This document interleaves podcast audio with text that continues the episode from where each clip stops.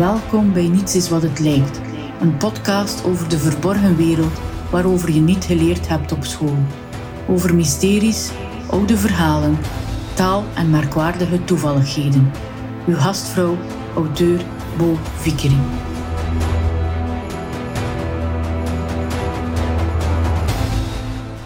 Soms denk ik nog eens aan de oude hoden. Waar zouden die nu zijn? Afgedankt, in pensioen gezet, uitgerangeerd. Je zou nu kunnen denken dat de namen van oude hoden volledig verdwenen zijn uit ons dagelijks leven. Maar niets is minder waar. We spreken de namen van oude goden misschien wel vaker uit dan de huidige goden en heiligen. Want ze komen terug in zowel de dagen van de week als de namen van de maanden. Zouden zij er gelukkig mee zijn dat hun naam nog zo vaak wordt uitgesproken, denkt de fictieauteur en mezelf dan. Laat me eerst beginnen met de maanden. De maanden die overigens totaal verkeerd geteld worden, want september verwijst naar de zevende maand, september, oktober, octo, naar de achtste maand, november, novem, naar de negende maand en december, decem, naar de tiende maand.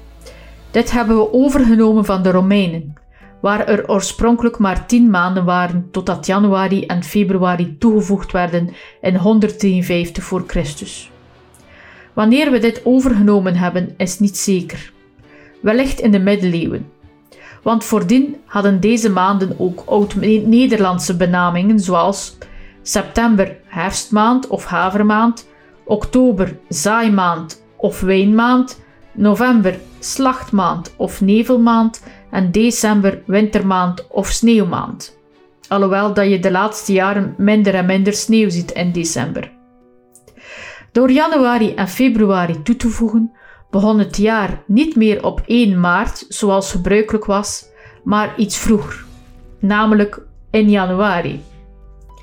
Januari verwijst naar de Romeinse god Janus, een god die het einde aankondigt van iets, maar ook een begin. De god van het begin en het einde. Vaak afgebeeld met twee gezichten die elk naar een andere kant kijken. De vroegere benaming van januari was Lowmaand nieuwjaarmaand of wintermaand. Februari komt dan weer van een andere oude god, van Februus, de god van de purificatie en de onderwereld. Want februari was de maand van de grote reiniging en boetedoening of februa. Zou dat iets te maken hebben met carnaval, vraag ik me af. En in deze maand werden de reinigings- en vruchtbaarheidsfeesten gevierd, Lupercalia noemde dit, ter ere van de wolfsgod Lupercus. Hermaanse stammen hadden dan weer vrouwen- en vruchtbaarheidsfeesten die door de Romeinen Spurcalia werden genoemd. Spurcus betekent smerig. Of het daarom is dat februari vroeger sprokkelmaand of schrikkelmaand werd genoemd, is niet geweten. Wellicht komt sprokkelmaand van het overslaan van een aantal dagen want sprokkelen is een oud woord voor springen. Zou men in de atletiek niet hinkstap sprokkelen invoeren als term, klinkt veel leuker als hinkstap springen. Maar dan hebben we nog niet gehad over de naam Maart. Maart verwijst naar de Romeinse oorlogsgod Mars. Een merkwaardige naamskeuze voor een maand die staat voor het begin van de lente. De oude benaming van maart is dan ook lentemaand of kalvermaand.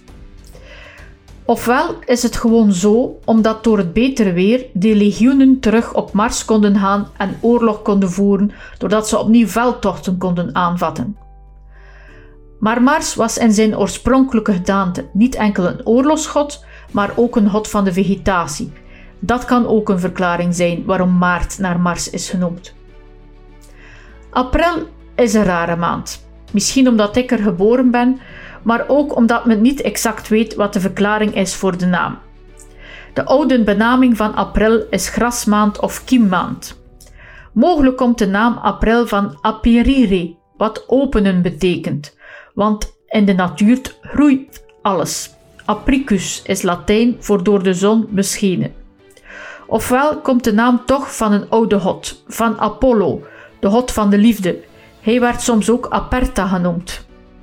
Een andere theorie verwijst dan weer naar Aphrodite, de godin van de liefde die in het Etruskisch Aprilis werd genoemd. We gaan nog een maandje verder naar mei.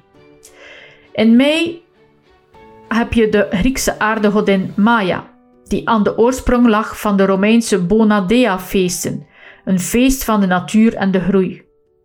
Maar omdat je niet alle verklaringen aan een vrouwelijke godin mag overlaten, komt ook Jupiter Maius in aanmerking, de god van de groeikracht. Major wil dan ook groter zeggen in het Latijn. Vandaar dat onze voorouders ook spraken van de bloeimaand.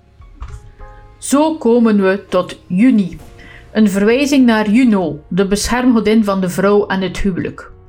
Als je trouwplannen hebt, weet je welke maand je moet kiezen. Ook wel de zomermaand genoemd in vroegere tijden. Wellicht wist men toen nog niet dat je meer kans had op een mooiere zomer in de twee maanden die volgden. Want als je maanden verwijzen naar goden, dan moet je daar als Romeinse keizer daar toch ook wel tussen staan als je enige status wilt bereiken.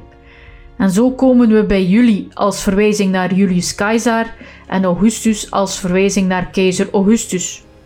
Oorspronkelijk was de naam van juli Quintilius, vijfde maand, en Sextilis, zesde maand. Ook wel de hooimaand en de oogstmaand in hun oude Nederlandse naam. Om het nog ingewikkelder te maken, heeft men tijdens de Franse Revolutie de namen allemaal veranderd. De kracht van verandering. En de maanden begonnen tien dagen vroeger. Ik ga ze hier niet opsommen, je kan het lezen op mijn website. Als je revolutionair wilt zijn, dan kan je toch niet anders dan de namen van de maanden wijzigen. Misschien nog een idee voor het Vlaamse kanon? Als je nu denkt dat we misschien wel alle oude hodenamen gehad hebben die we in het dagelijkse leven uitspreken, dan vergeet je nog de dagen van de week. Maandag en zondag verwijzen gewoon naar de zon, de dies solis, en de maan, de dies lunae.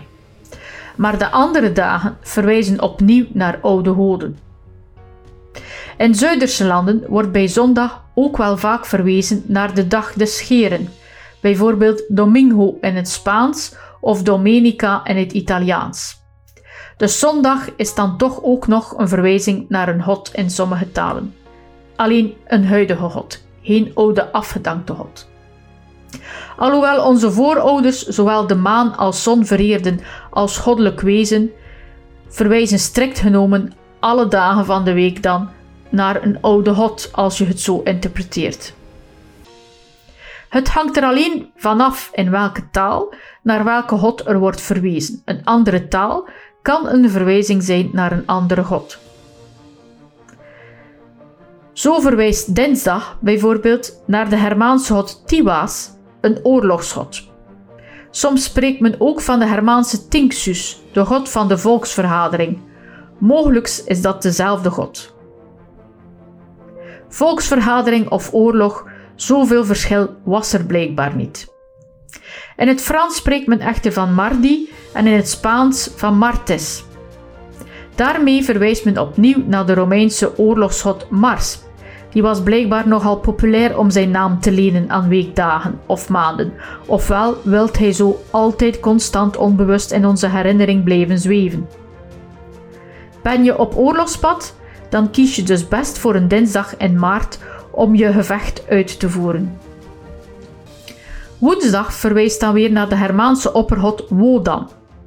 In het Engels Wednesday, Day of Wodan. Maar in het Frans Mercredi en het Spaans miércoles wordt dan weer verwezen naar de Romeinse god van de winst en de handel, Mercurius.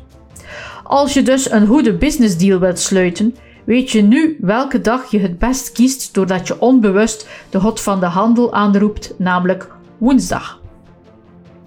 Donderdag is dan weer een verwijzing naar Donar, de dondergod, ook wel beter gekend als Thor.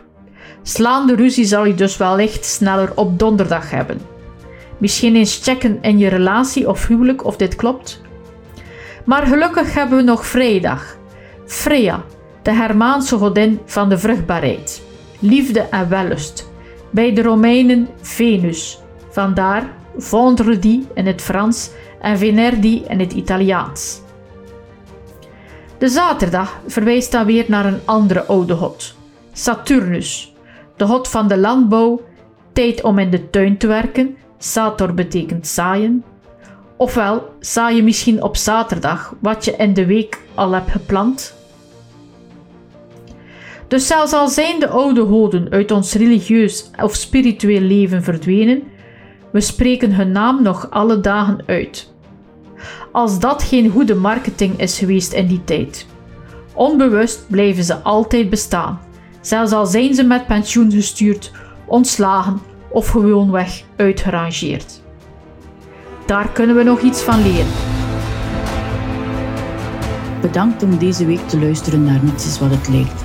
Ben je op zoek naar meer? Bezoek dan mijn website bovikerie.eu. Hier kan je mijn boeken bestellen en kan je inschrijven op mijn nieuwsbrief My Secret Tips. Abonneer je op deze podcast, zodat je geen enkele aflevering mist. En terwijl je dit doet, vergeet niet deze podcast te delen en vertel het aan je familie en vrienden. Want je zou toch niet willen dat zij de wereld niet leren kennen zoals ze is, maar enkel zoals die lijkt te zijn.